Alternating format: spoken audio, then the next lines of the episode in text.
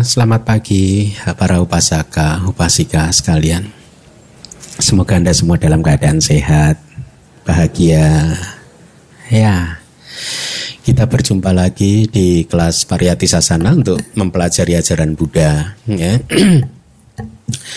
Sekali lagi saya ingin sampaikan satu hal yang penting tentang ajaran Buddha.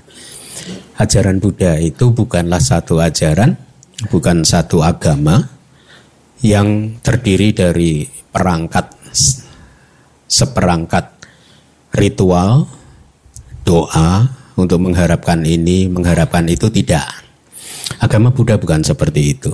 Ya, oleh karena itu di sini tidak diajarkan cara berdoa yang benar, ya.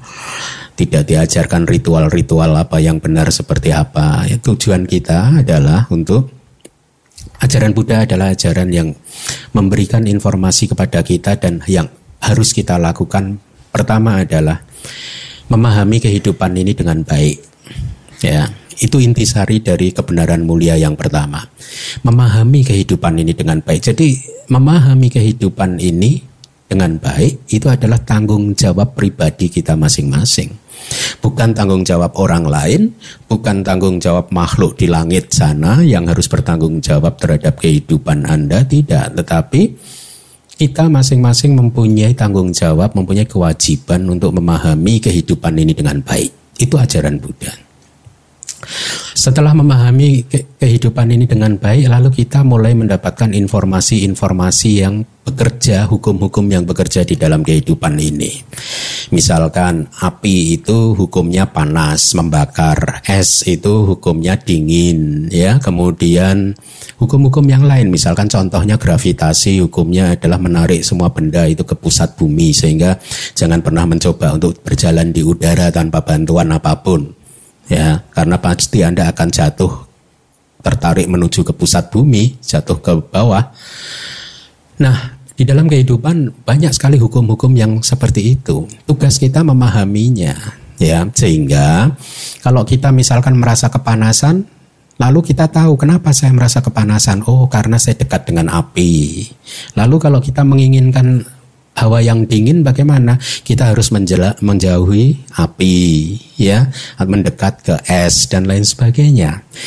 Dengan kata lain, menjadi umat Buddha itu mengharuskan kita, mewajibkan kita untuk mempunyai pengetahuan bahwa api sifatnya panas, es sifatnya dingin, lampu ini saklarnya ada di mana, itu syarat wajib buat kita. Oleh karena itulah kita belajar Melalui kelas-kelas seperti ini kita mulai mengumpulkan informasi tentang hukum-hukum yang bekerja di dalam kehidupan ini. Tetapi kan kalau Anda tidak mempunyai informasi, tidak mempunyai pengetahuan tentang hal-hal tersebut, lalu bagaimana mungkin Anda bisa menolong diri Anda sendiri pada satu hari Anda kepanasan, ingin ingin udara yang dingin, Anda tidak tahu. Ya, tidak tahu bahwa di dekat Anda itu api di sekeliling Anda ya sehingga Anda melakukan usaha-usaha yang salah dan problem Anda tidak selesai. Atau dengan contoh yang lain misalkan Anda berada di dalam ruangan ini kegelapan dan Anda ingin cahaya yang terang tapi ruangan gelap gulita. Ya. Apabila Anda tidak mempunyai pengetahuan di mana letak saklar lampunya, apakah Anda bisa menolong diri Anda? Tidak bisa, hanya mereka yang mempunyai pengetahuan bahwa saklar terletak di sana, kemudian dia bisa menolong dirinya sendiri dan juga bisa menolong orang lain.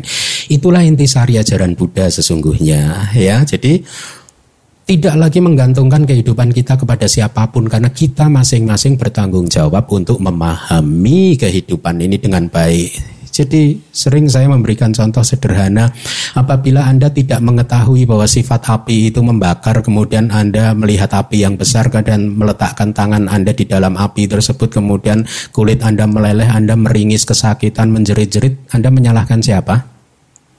Siapa yang salah? Diri sendiri kenapa salah? Karena tidak tahu sifat api itu seperti itu. Betul tidak? Hmm? Kalau Anda mengelola kehidupan Anda dengan ceroboh, dengan sikap perilaku yang jauh dari kesantunan, jauh dari etika, terus mengelola kehidupan itu dengan terus me, apa, mengembangkan kilesa, kotoran batin, emosi-emosi negatif, kemudian Anda menderita, Anda yang yang salah siapa? Diri Anda sendiri. Nah, oleh karena itulah pengetahuan-pengetahuan yang diajarkan Buddha di dalam kitab suci dan kitab-kitab komentar oleh guru-guru kita di masa lalu menjadi sangat penting. Kenapa? Karena uh, semuanya itu memberikan informasi kepada kita tentang bagaimana cara mengelola kehidupan ini dengan baik, bagaimana memahami kehidupan ini dengan baik, sehingga akhirnya kita itu menjadi arsitek yang bisa merancang bangunan kehidupan kita dengan indah. Kenapa? Karena kita sudah belajar, karena kita sudah mempunyai pengetahuan, ya. Nah, termasuk juga di dalam suta yang akan kita pelajari uh, pagi hari ini, yang sebenarnya sudah merupakan kelas yang ketiga, dua kelas yang terdahulu Kama Suta yang pertama dan Kama Suta yang kedua saya sudah menyampaikan. Jadi Suta ini sesungguhnya memberikan informasi kepada Anda bahwa yang namanya kenikmatan indriawi itu tidak pantas untuk dilekati.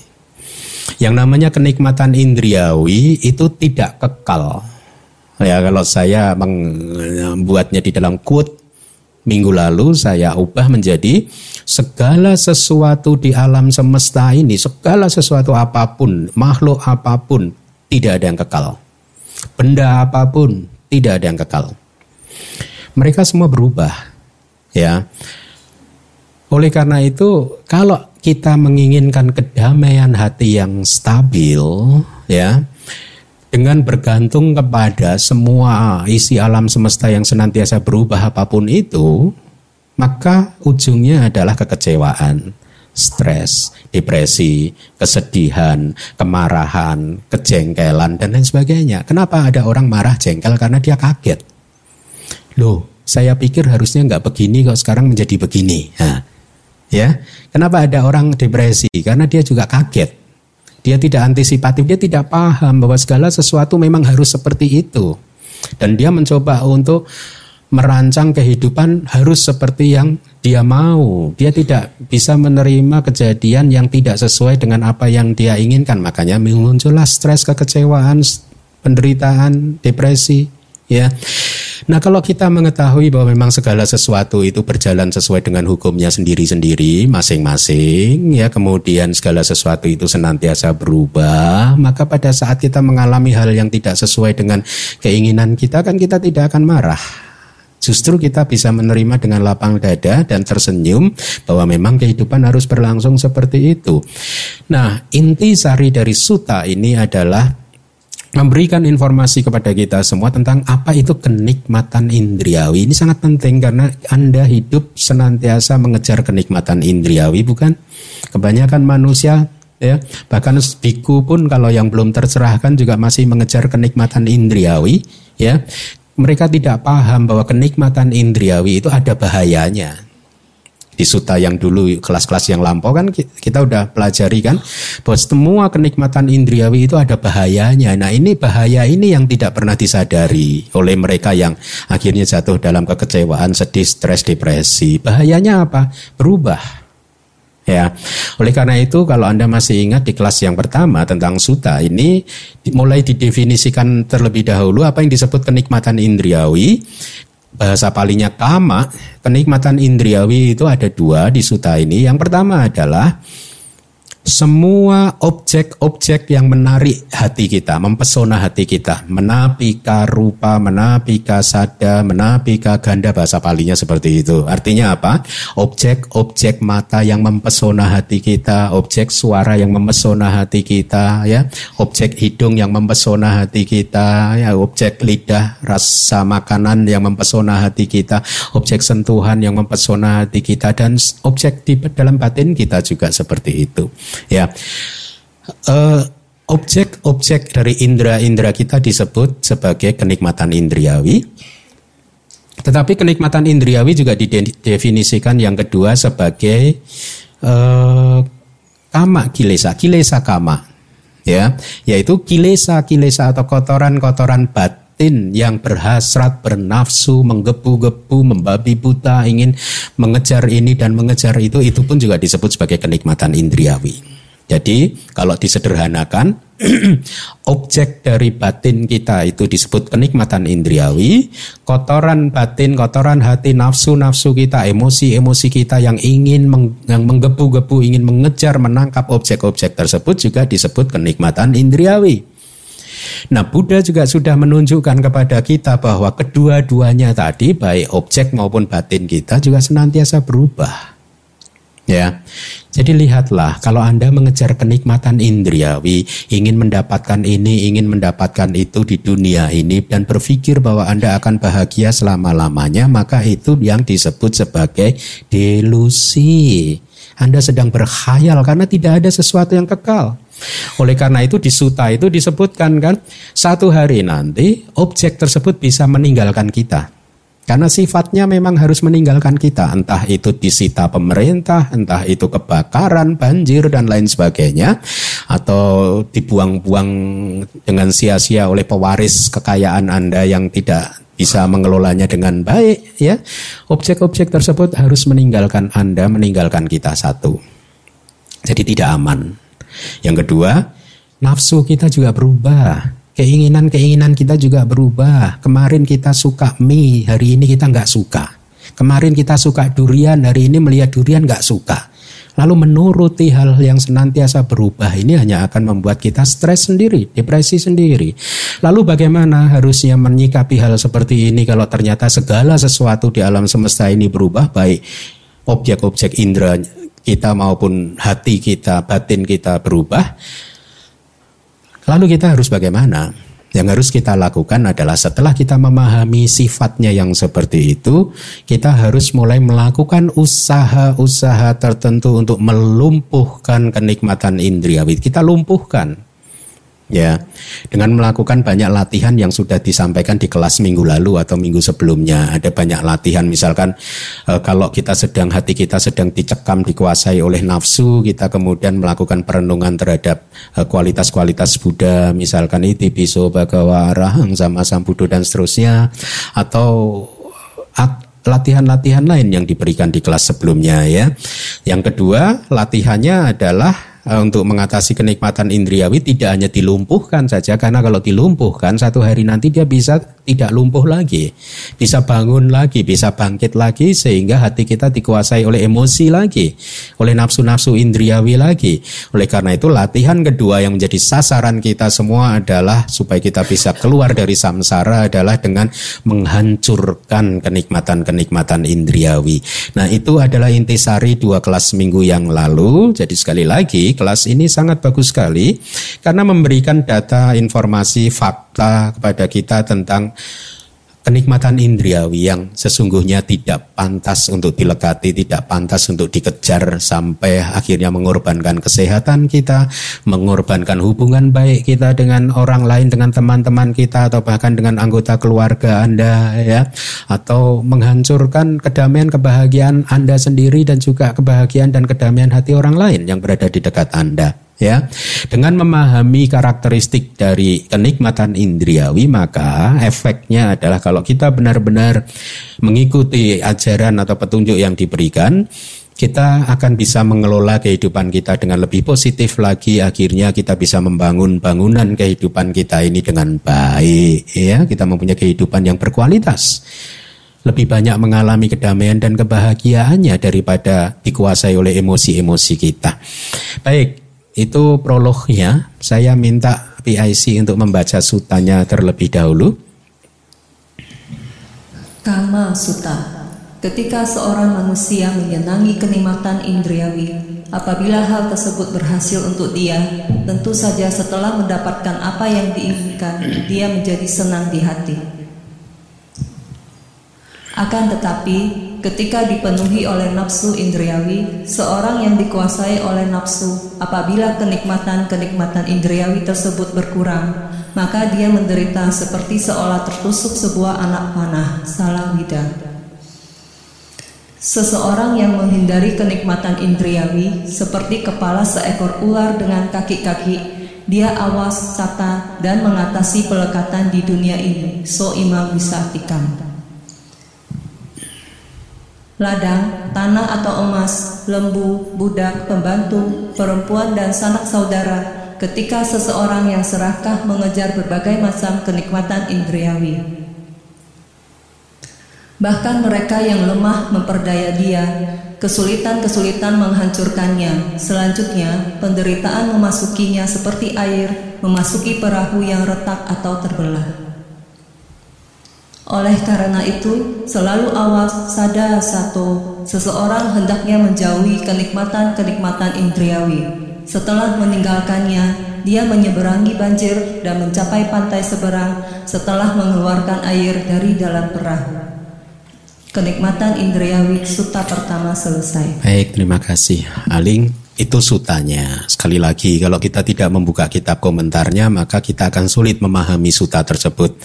Oleh karena itu, mari kita lanjutkan pembahasan kita eh, lanjutan dari kelas minggu yang lalu, ya. Syairnya berbunyi kira-kira bagaimana sih menghindari kenikmatan-kenikmatan indriawi dengan penghancuran tadi sudah saya sebutkan ya atau pencabutan hingga ke akar-akarnya gitu. Ya, kalau minggu lalu sudah disebutkan dengan berlatih meditasi hingga kemudian kita memu, uh, bisa mencapai sotapati maga, jalan sotapati ya. Kenapa? Karena pada saat Anda kita semua mencapai jalan sotapati, ada 10 belenggu sebenarnya yang membelenggu kita. Kenapa kita masih berada di sini? Kenapa kita masih terlahir di samsara ini karena masih ada belenggu yang membelenggu kita ke samsara. Jadi belenggu ini seolah-olah apa sih kalau polisi mempunyai apa itu namanya? Borgol ya. Borgol. Jadi satu tangan satu borgol itu diikatkan di tangan kita borgol yang lain diikatkan ke tiang ya. Jadi karena terbelenggu seperti ini orang yang di borgol tidak bisa lari menjauh dari tiang. Ke mana pun dia lari dia hanya berputar-putar saja ya sepanjang borgolnya sampai satu-satu udah nggak bisa berputar lagi dia eh, menderita di sana. Nah di Buddhism juga ada borgol seperti itu ya istilahnya sang yojana, belenggu. Ada sepuluh belenggu yang membelenggu kita di samsara. Selama kita belum mampu menghancurkan belenggu ini, maka kita akan terus terlahir di samsara. Berlari ke mana pun tetap saja akan berlari di samsara. Nah dari sepuluh belenggu, pada saat seseorang menjadi seorang sotapana, mencapai sotapati maga atau jalan sotapati, dari sepuluh belenggu tadi ada tiga belenggu yang dihancurkan. Berarti masih tujuh ya.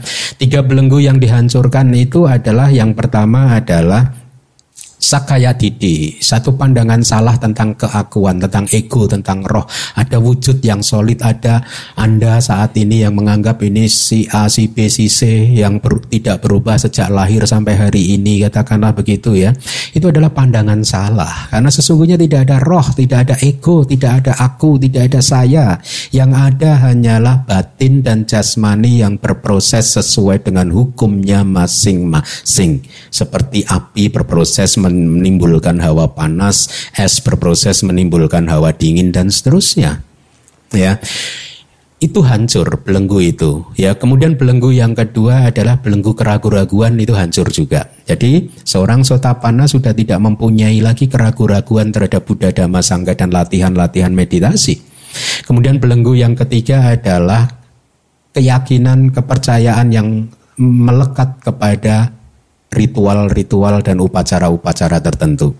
Ya, seorang sotapana sudah menghancurkan belenggu itu. Dia tahu bahwa untuk bisa jadi bahagia tidak butuh ritual apa pun. Dia tahu bahwa untuk bisa jadi bahagia tidak butuh doa-doa apa pun. Itu seorang sotapana karena dia sudah paham. Dia sudah melihat sendiri oh ternyata kehidupan itu hanyalah proses batin dan proses jasmani yang seperti itu yang muncul lenyap muncul lenyap tidak kekal duka dan anatta ya. Jadi tiga belenggu ini dihancurkan sehingga dalam konteks kenikmatan indriawi, sotapana sudah menghancurkan kenikmatan-kenikmatan indriawi yang kasar yang mempunyai kekuatan kalau berbuah membuat dia terlahir di empat alam yang bawah.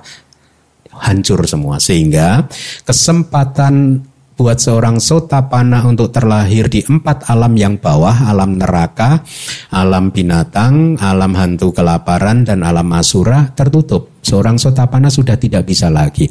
Dan seorang sotapana sudah tidak bisa lagi menikmati kenikmatan-kenikmatan indriawi dengan nafsu yang menggebu-gebu, yang kasar, yang kalau ini sebagai karma buruk dia akan membuat dia untuk terlahir di alam yang bawah. Tidak. Nafsu dia sudah mulai melemah. Ibaratnya api yang tadinya sudah menyala, tadinya menyala besar sekali, pada saat seseorang mencapai jalan sotapana, apinya sudah mulai mengecil.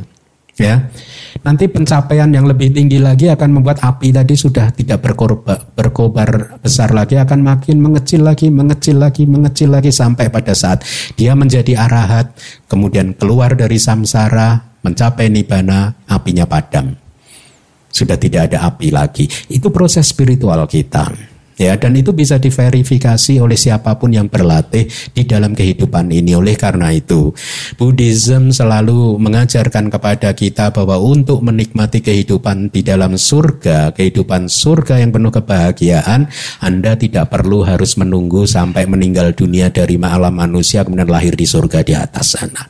Buddhism mengajarkan kepada kita bahwa kebahagiaan surga bisa kita ciptakan di bumi ini anda bisa menjadi seorang seorang manusia yang hidup serasa di surga. Ya, dengan cara memahami kehidupan itu dengan baik, dengan benar. Nah, sekarang setelah seseorang mengembangkan jalan sotapati, kalau dia berlatih terus akhirnya mencapai tingkat pencerahan yang lebih tinggi, akhirnya dia bisa mengembangkan jalan sakadagami ya.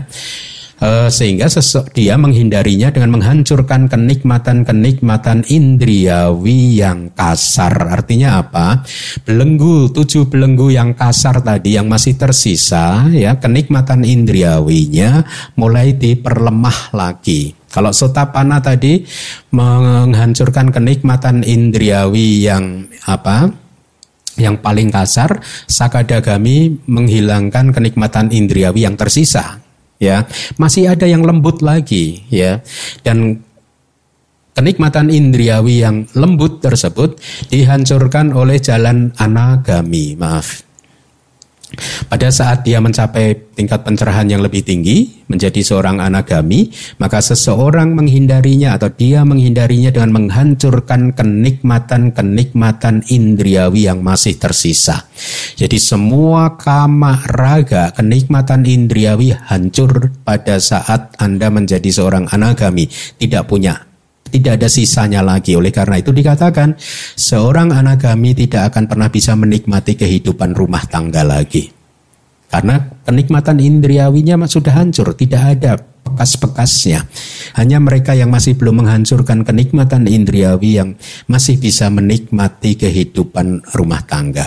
Tetapi walaupun demikian, Anagami hanya baru menghancurkan total berarti ditambah dengan sotapana tadi lima belenggu. Masih ada lima belenggu lagi yang harus dihancurkan dan itu hanya dihancurkan oleh arahat. Ya, lima belenggu yang dihancurkan oleh arahat, arahat adalah nafsu untuk terlahir menjadi Brahma materi halus. Ya seorang anagami masih mempunyai hasrat untuk terlahir di alam Brahma. Materi halus, Brahma non materi yang tidak mempunyai tubuh jasmani. Seorang anagami juga masih mempunyai kesombongan. Ya meskipun berbeda dengan kesombongan kita. Ya jangan tepuk tangan dulu. Kesombongan anagami dan kesombongan non anagami berbeda ya. Kemudian anagami juga masih mempunyai kebingungan. Ya, udah cak ya masih bisa bingung juga.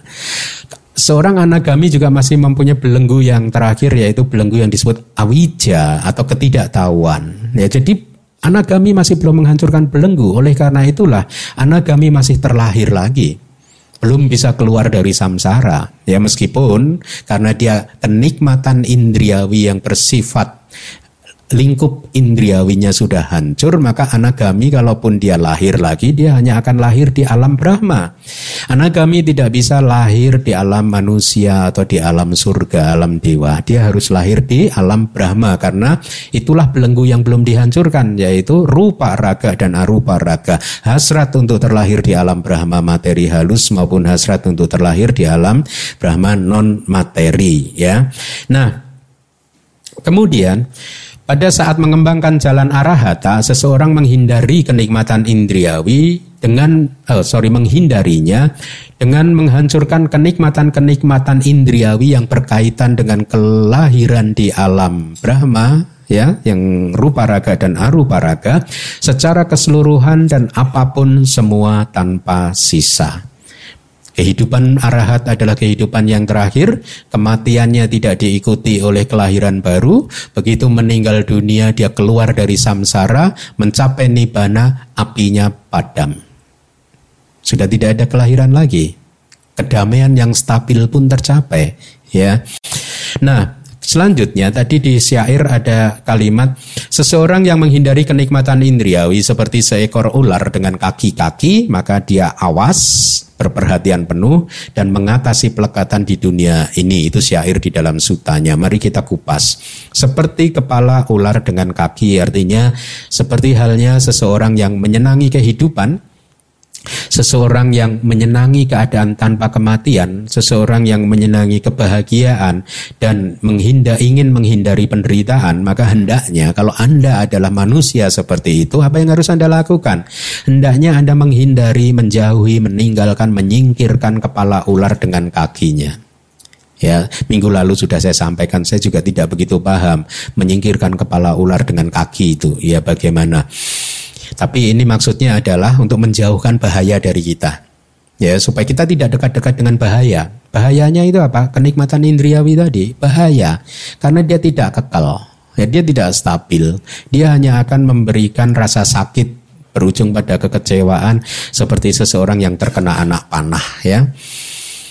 Kemudian, demikian pula halnya dengan seseorang yang menginginkan kebahagiaan dan menghindari penderitaan harus menghindari, menjauhi, meninggalkan, menyingkirkan kenikmatan-kenikmatan indriawi seperti kepala seekor ular dengan kaki-kaki ya. Caranya bagaimana? Karena kita ingin menghancurkannya, caranya adalah dengan mencapai jalan dan buah ya, seperti yang tadi di awal sudah saya sampaikan dengan meditasi, mencapai sotapati, jalan dan seterusnya. Kemudian Seseorang itu artinya uh, siapa pun tadi di syairnya yang berwarna kuning itu dari syair saya quote lagi siapa pun yang menghindari kenikmatan indriawi itu artinya seseorang siapa pun itu juga yang mengatasi pelekatan itu artinya uh, wisatika ya pelekatan. Bisa juga tanha rasa haus di dunia ini ya. Nah ini definisi tanha kita sering mendengar kebenaran mulia yang pertama, asal mula dari penderitaan adalah tanha kan, nafsu keinginan ini definisinya. Tanha itu mencakup range yang sangat luas sekali dimulai dari nafsu birahi, perasaan hati yang tergila-gila terhadap objek-objek tertentu, jatuh hati, takluk, ya, kesenangan, nafsu yang menggebu-gebu, kemudian kegilaan batin penuh pengharapan ya mengharapkan ini mengharapkan itu itu sifat dari tanha membuat kita tidak sadar diri terhadap apa yang kita lakukan bahwa kita sudah terjerat oleh nafsu kita pelengketan keserakahan egois ikatan lumpur ya. Ada banyak sekali definisi. Saya tidak akan sampaikan uh, semuanya ya. Mungkin yang ingin saya sampaikan adalah ya Anda lihat itu Rasa haus akan eksistensi. Selama ini kan Anda hanya tahu kama tanha, rasa haus akan kenikmatan-kenikmatan indriawi. Yang berikutnya adalah ada rasa haus akan eksistensi. Itu di kitab komentar rasa haus terhadap eksistensi itu adalah bawe tanha bawa tanha. Jadi uh, uh, hasrat untuk terlahir lagi ya di alam Brahma materi halus dan alam Brahma non materi serta juga kemelekatan terhadap jana yang muncul bersama dengan pandangan salah bahwa setelah Anda mencapai jana Anda akan terlahir di alam Brahma yang kekal abadi ya. Jadi itu juga termasuk di e, bawa tanha. Kemudian kalau wibawa tanha itu adalah kemelekatan terhadap non eksistensi, ingin menghancurkan kehidupan diri sendiri ini, ingin bunuh diri ya. Seseorang yang bunuh diri berpikir bahwa setelah uh, dia membunuh dirinya sendiri maka kehidupan akan selesai maka ini adalah pandangan salah ya jadi rasa haus terhadap non-eksistensi, hasrat atau nafsu yang muncul bersama dengan pandangan salah tentang pemusnahan. Jadi ingin menghancurkan kehidupan dirinya sendiri. Nah rasa haus itu juga muncul berkaitan dengan objek-objek panca indera kita. Rasa haus akan objek bentuk atau objek mata, suara, bau, ganda, rasa, sentuhan, dhamma, tanha. Rasa haus akan dhamma di sini bukan berarti dhamma ajaran Buddha saja, tetapi lebih kepada objek-objek batin kita, objek-objek mental kita selain objek mata, objek telinga dan objek panca indera yang lain. Jadi lihatlah bahwa nafsu-nafsu kita bisa muncul dari banyak sekali variasinya ya. Ini juga masih ada lagi nanti Anda bisa baca melalui website kita bisa di-download ini juga masih istilah lagi, jadi samudra kehausan, ketamaan dan lain sebagainya. Intinya kita harus mengenali nafsu-nafsu keinginan kita, rasa haus kita terhadap objek-objek eh, apa pun itu juga menyadari bahwa ini semua adalah sesuatu yang tidak kekal yang apabila kita lekati hanya akan menimbulkan penderitaan saja akan berujung pada kekecewaan. Disebut sebagai kepelekatan karena rasa haus ini tersebar di objek bentuk sentuhan dan apa pun juga. Jadi kita bisa melekat kepada apa pun itu juga. Ya, jangan pernah berpikir bahwa Bante saya sudah tidak melekat terhadap sesuatu yang mewah kok. Ya, bagus mungkin Anda sudah tidak melekat pada sesuatu yang mewah, tapi Anda masih melekat kepada sesuatu yang nggak mewah. Sama saja, masih pelekatan juga ya. Jangan dipikir bahwa pelekatan itu kemelekatan hanya muncul di orang kaya saja. Enggak, orang miskin yang melekat juga banyak. Hmm? Jadi pelekatan itu di mana pun, muncul di mana pun terhadap objek apa pun ya. Selanjutnya, melekat terhadap kehidupan yang mempunyai satu kanda saja. Makanya ada makhluk yang ingin terlahir sebagai makhluk yang tidak mempunyai batin kan, hanya mempunyai tubuh jasmani, ya. Makhluk tanpa batin, asanya sata. Kenapa? Karena menurut dia penderitaan ini disebabkan oleh pikiran, oleh batin. Kemudian dia berpikir kalau saya tidak mempunyai batin, maka saya nggak akan menderita, ya. Dan lahirlah dia sebagai makhluk tanpa batin makhluk dengan satu kanda. Atau ada orang yang ingin melekat kepada kelahiran menjadi makhluk yang hanya mempunyai empat agregat saja. Yaitu yang tanpa tubuh jasmani, hanya mempunyai batin saja. Atau kita yang masih melekat kepada kehidupan yang mempunyai lima agregat seperti manusia, ini kan lima agregatnya. Dan itu semua bisa muncul dari masa lampau, masa depan atau saat ini. Jadi artinya akan sulit untuk menghancurkan tanha hanya kalau kita itu mencoba untuk mengendalikan panca indera kita saja semata-mata. Contohnya, dulu ada satu pemahaman bahwa penderitaan ini muncul melalui mata. Lalu dia berpikir apabila matanya itu dia butakan, maka dia sudah tidak bisa melihat apa pun, maka pada saat itu dia akan damai. Tapi kan itu pandangan salah. Matanya tertutup, tetapi hatinya kan masih bisa melihat ya. Kemudian dia berpikir lagi mungkin oh ini problemnya setelah mata kok masih belum selesai telinganya ditutup lagi gitu. Hidungnya ditutup lagi. Meskipun panca indera sudah dimatikan masih saja nafsu masih bisa muncul di hati kita jadi contohnya seperti seseorang yang berpikir bahwa enak ya menjadi biku kan hidupnya di hutan nggak banyak tantangan pasti dia damai dan bahagia. Kalau di kota kan banyak masalah ya. Jadi wajar kalau umat perumah tangga itu banyak masalah karena hidupnya di kota wajar biku itu hidupnya nyaman karena hidupnya di hutan. Siapa bilang biku hidup di hutan sendirian juga diteror? sama kilesa-kilesanya sendiri nggak selesai juga Uh, biasanya saya jawab dengan kalimat yang lain.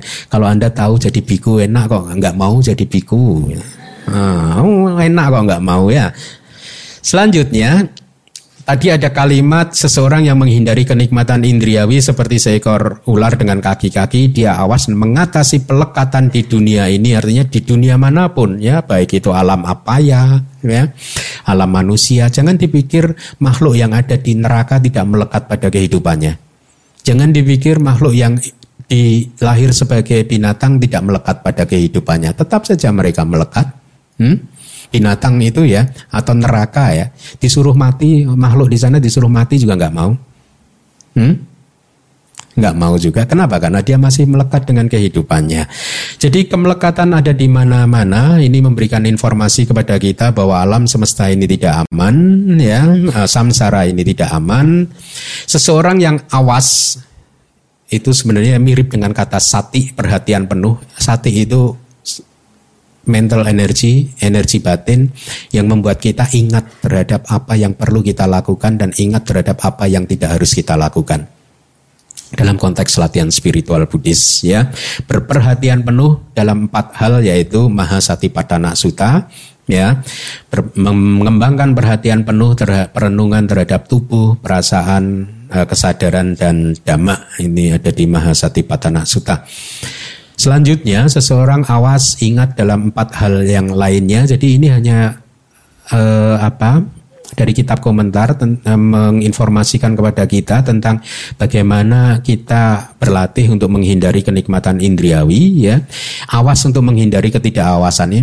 Ingat, senantiasa ingat untuk menghindari keadaan yang membuat kita tidak ingat. Ya. Awas dengan melakukan hal-hal yang hendaknya dilakukan, artinya selalu ingat terhadap sesuatu yang harus kita lakukan dan ingat terhadap sesuatu yang tidak perlu kita lakukan ya dengan menghancurkan hal-hal yang membelenggu perhatian penuh dan seterusnya gitu.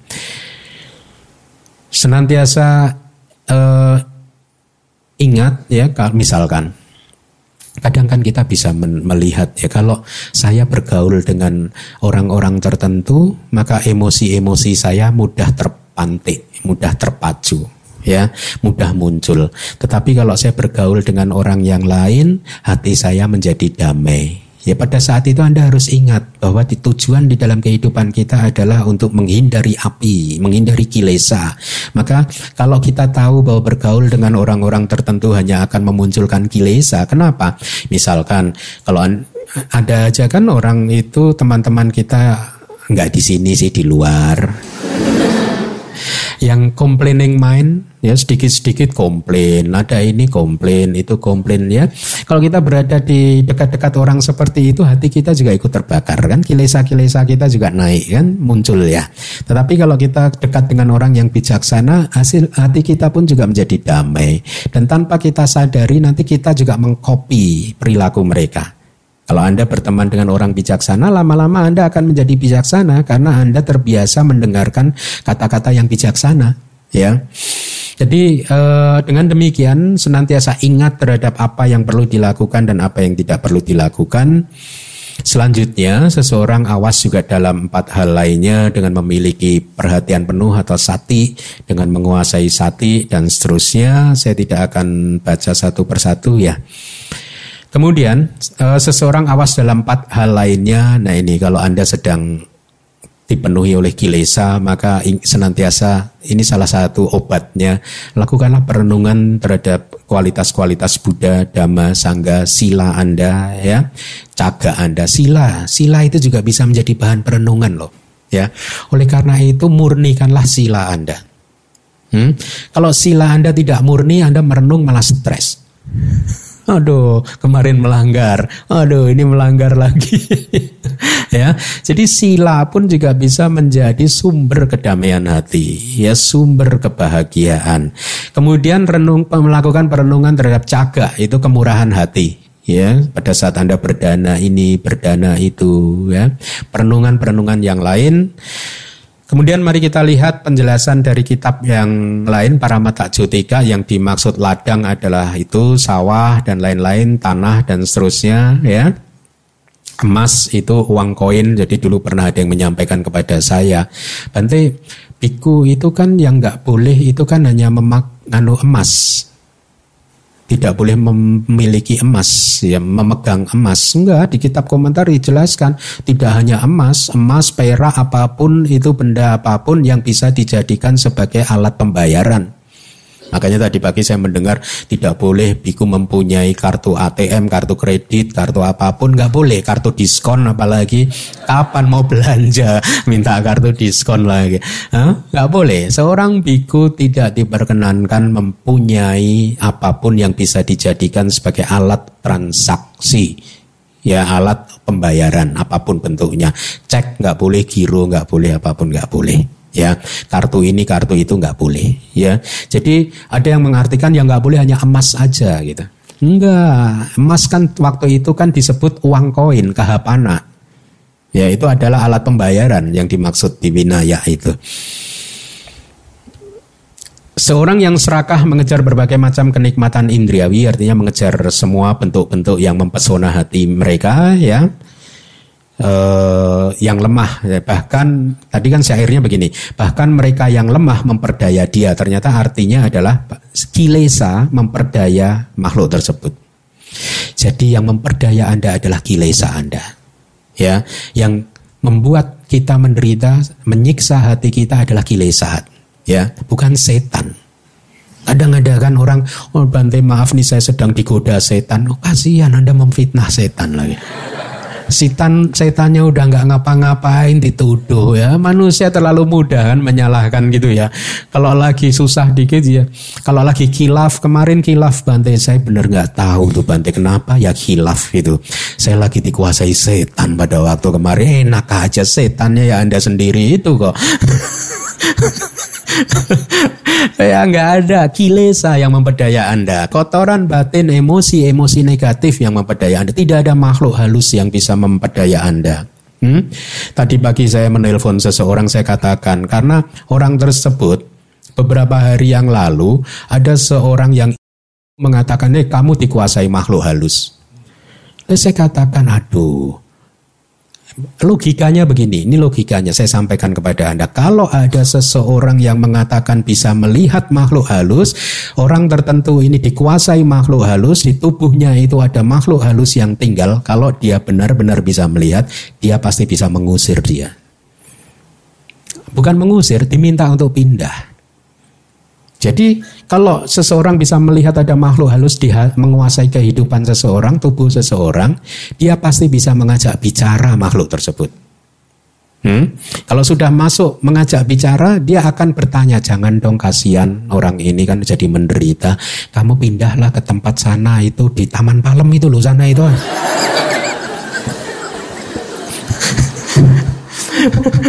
di depan rumahnya si ACB itu loh enak. Enggak lah bercanda. Logika memang seperti itu. Kalau ada seseorang yang mengaku bisa melihat makhluk halus, dia pasti bisa mengajak bicara, dia pasti bisa mengajak diskusi. Jangan menguasai orang ini, kasihan dia menderita. Kamu pindah deh ke pohon di sana gitu. Jadi tidak ada orang bisa melihat, eh kamu dikuasai makhluk halus loh. Itu dari alam asura loh. Tolong dong diusir. Waduh saya nggak bisa, nggak ada. Hmm, saya sampaikan kepada anda ini. Kalau orang bisa melihat, dia bisa mengajak bicara.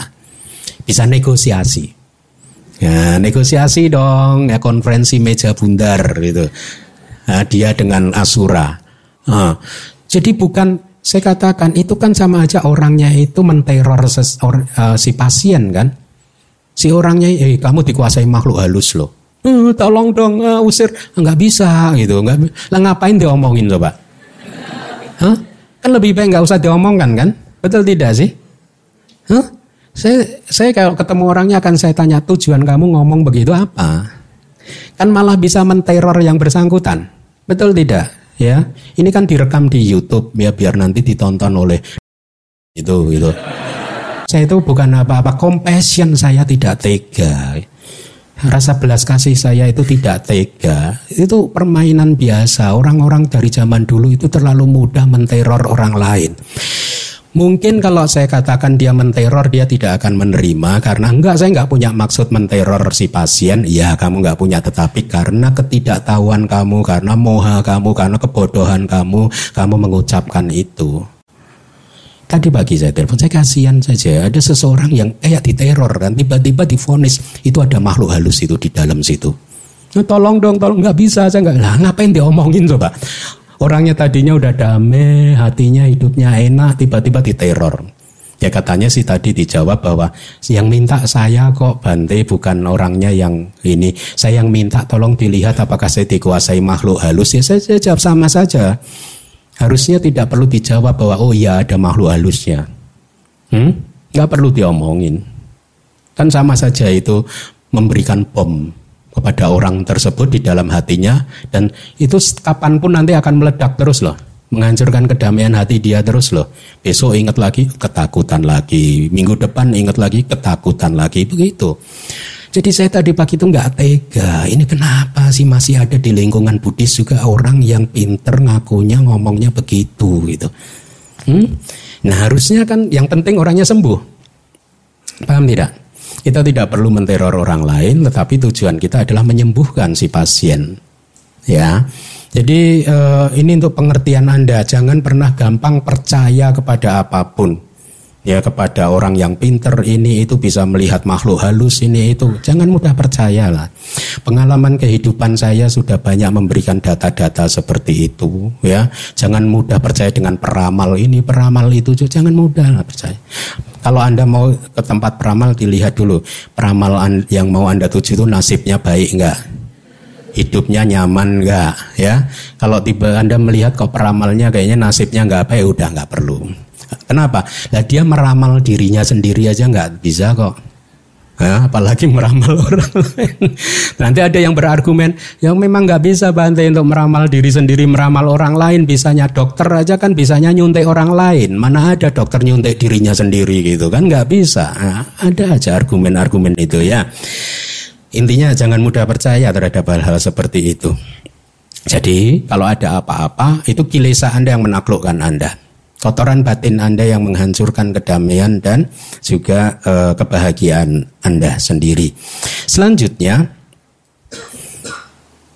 ini menarik yang saya beri warna kuning itu ya. Jadi lihatlah, ketika seseorang yang serakah terhadap kenikmatan-kenikmatan indriawi sedang mencari dan menjaga kenikmatan indriawi, bahaya-bahaya yang tampak seperti singa dan lain-lain, serta bahaya-bahaya yang tidak tampak seperti perilaku buruk melalui tubuh dan lain-lain akan menaklukkan dia.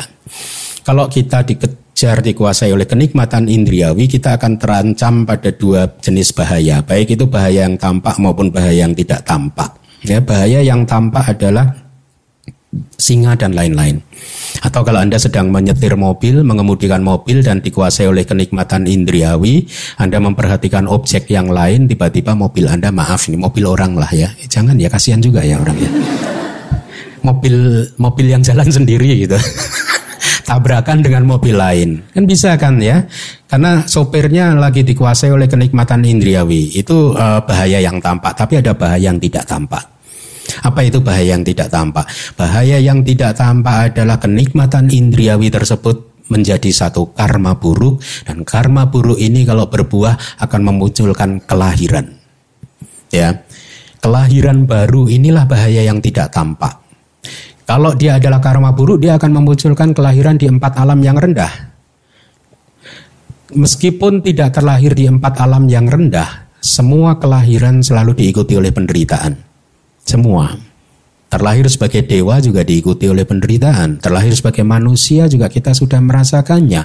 Apa pun yang muncul setelah pen, setelah kelahiran kembali adalah penderitaan.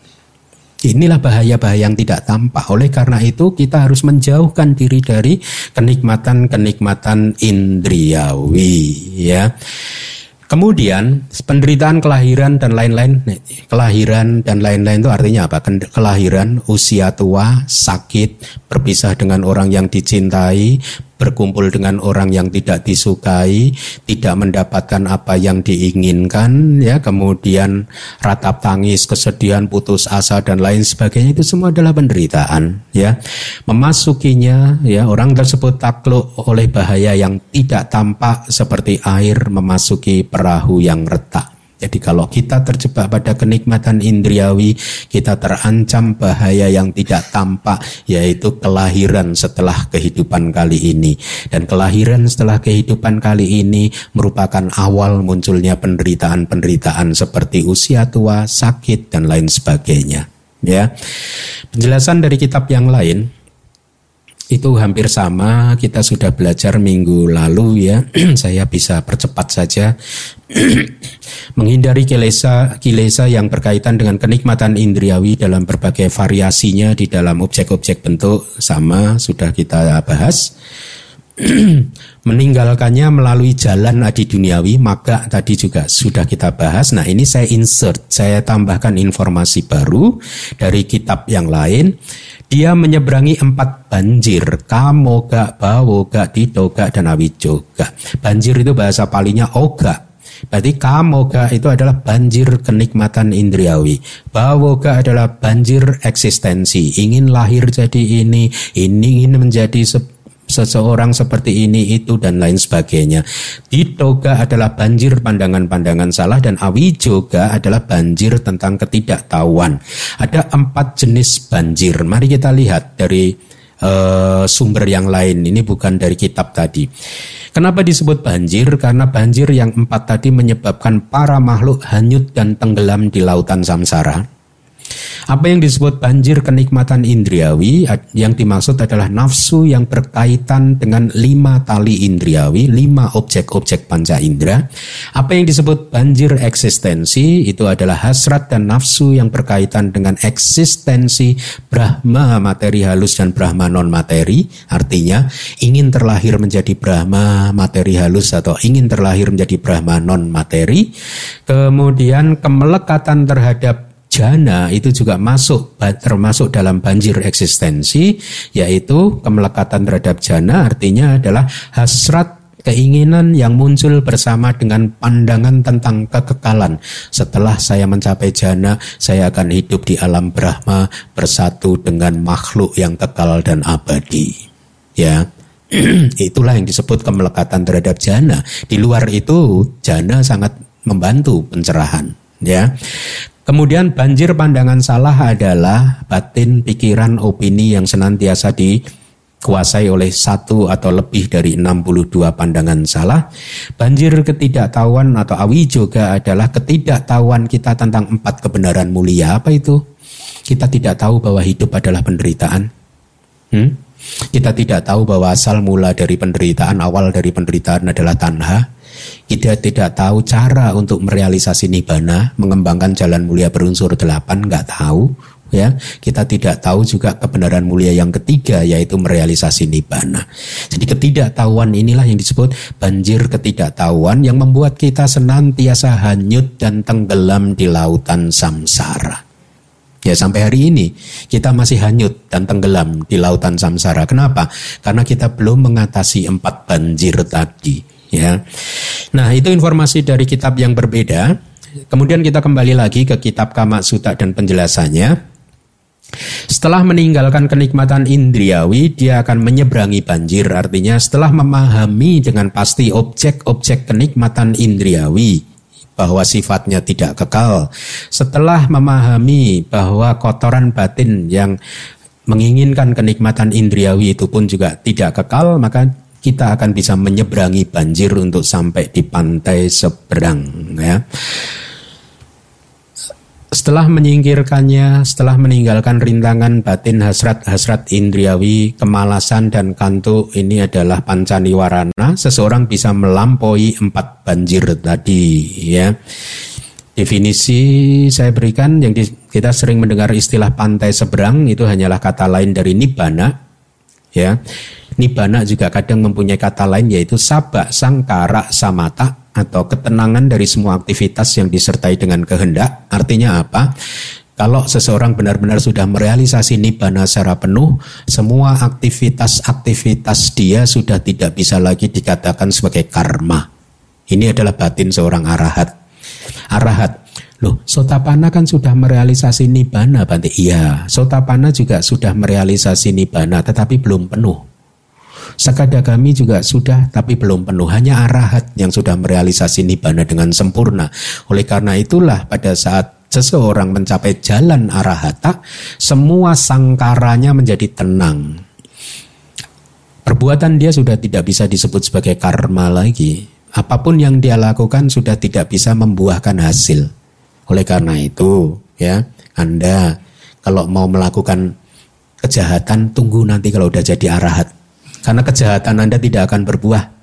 Hah? Mau? Bisa nggak arahat melakukan kejahatan? Nggak bisa ya.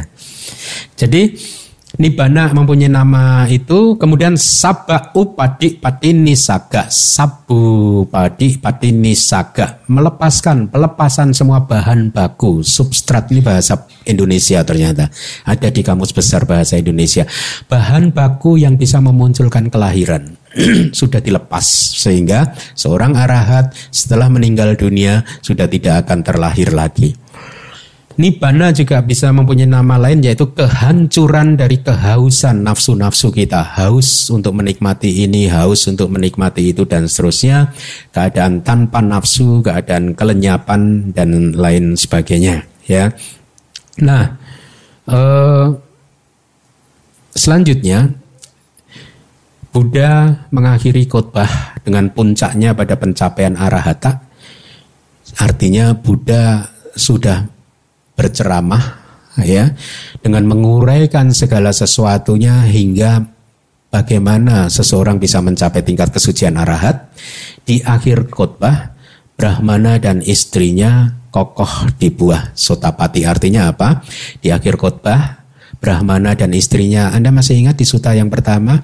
Brahmana ini kan menanam barley ya ya. Menanam barley tadinya sudah happy mau panen bahkan sempat mengutarakan niat baiknya.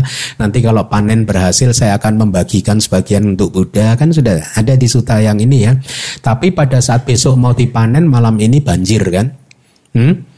banjir besar sehingga akhirnya tanamannya terendam banjir sehingga panennya gagal kan setelah itu kan kemudian dia sedih ya dan kemudian Buddha datang Ternyata kedatangan Buddha dengan membabarkan kama suta berdampak berujung pada pencapaian tingkat kesucian sotapana. Brahmana dan istrinya menjadi seorang sotapana. Jadi salah satu moral pesan moral dari suta ini adalah kalau suatu hari nanti Anda mengalami keadaan-keadaan yang tidak baik, panen Anda gagal, ingat sebentar lagi Anda jadi sotapana akan selalu ada cahaya di balik kegelapan. Kegelapan tidak akan berlangsung selama-lamanya ya. Kegelapan akan lenyap, cahaya akan muncul. Demikian pula cahaya muncul sebentar lagi akan lenyap, akan ada kegelapan ya. Dengan demikian kita akan menjadi orang yang senantiasa antisipatif saya dapat menekankan berkali-kali jadilah seseorang yang antisipatif di dalam kehidupan ini ya antisipatif bahwa segala sesuatu berubah Kebahagiaan Anda tidak kekal, Anda harus mengantisipasi satu hari nanti kebahagiaan ini lenyap, penderitaan yang datang. Tetapi Anda juga tahu, pada saat penderitaan datang, maka kebahagiaan pun juga uh, penderitaan itu juga akan lenyap dan muncullah kemudian kebahagiaan. Segala sesuatu tidak kekal. Dengan memahami bahwa segala sesuatu tidak kekal, maka hidup menjadi ringan sekali. Dengarkan kata-kata saya. Kenapa Anda merasakan kehidupan Anda berat? Kenapa Anda merasa kehidupan Anda penuh beban? Karena ada anggapan di dalam diri Anda yang menganggap ada sesuatu yang kekal. Setuju tidak? Hmm? Anda menderita karena menurut Anda kesulitan Anda adalah kesulitan yang kekal. Ya, Anda eh, apa? Tidak eh, pada saat baik itu men menganggap kesulitannya kekal atau menganggap kebahagiaannya kekal. Pada saat Anda menganggap kebahagiaan Anda kekal dan kenyataannya kemudian kebahagiaan itu meninggalkan Anda, anda maka Anda kecewa lagi, Anda stres lagi, Anda depresi lagi. Jadi sekali lagi, kalau Anda merasa kehidupan Anda terasa berat, ingat kata-kata saya bahwa Anda sedang terjebak pada pandangan salah, menganggap ada sesuatu yang kekal. Lalu apa yang harus dilakukan? Segera sadari bahwa tidak ada yang kekal. Kembangkan satu persepsi tentang ketidakkekalan bahwa apa pun di alam semesta ini senantiasa berubah. Pada saat persepsi tentang ketidakkekalan Anda semakin menguat, maka kehidupan Anda menjadi ringan.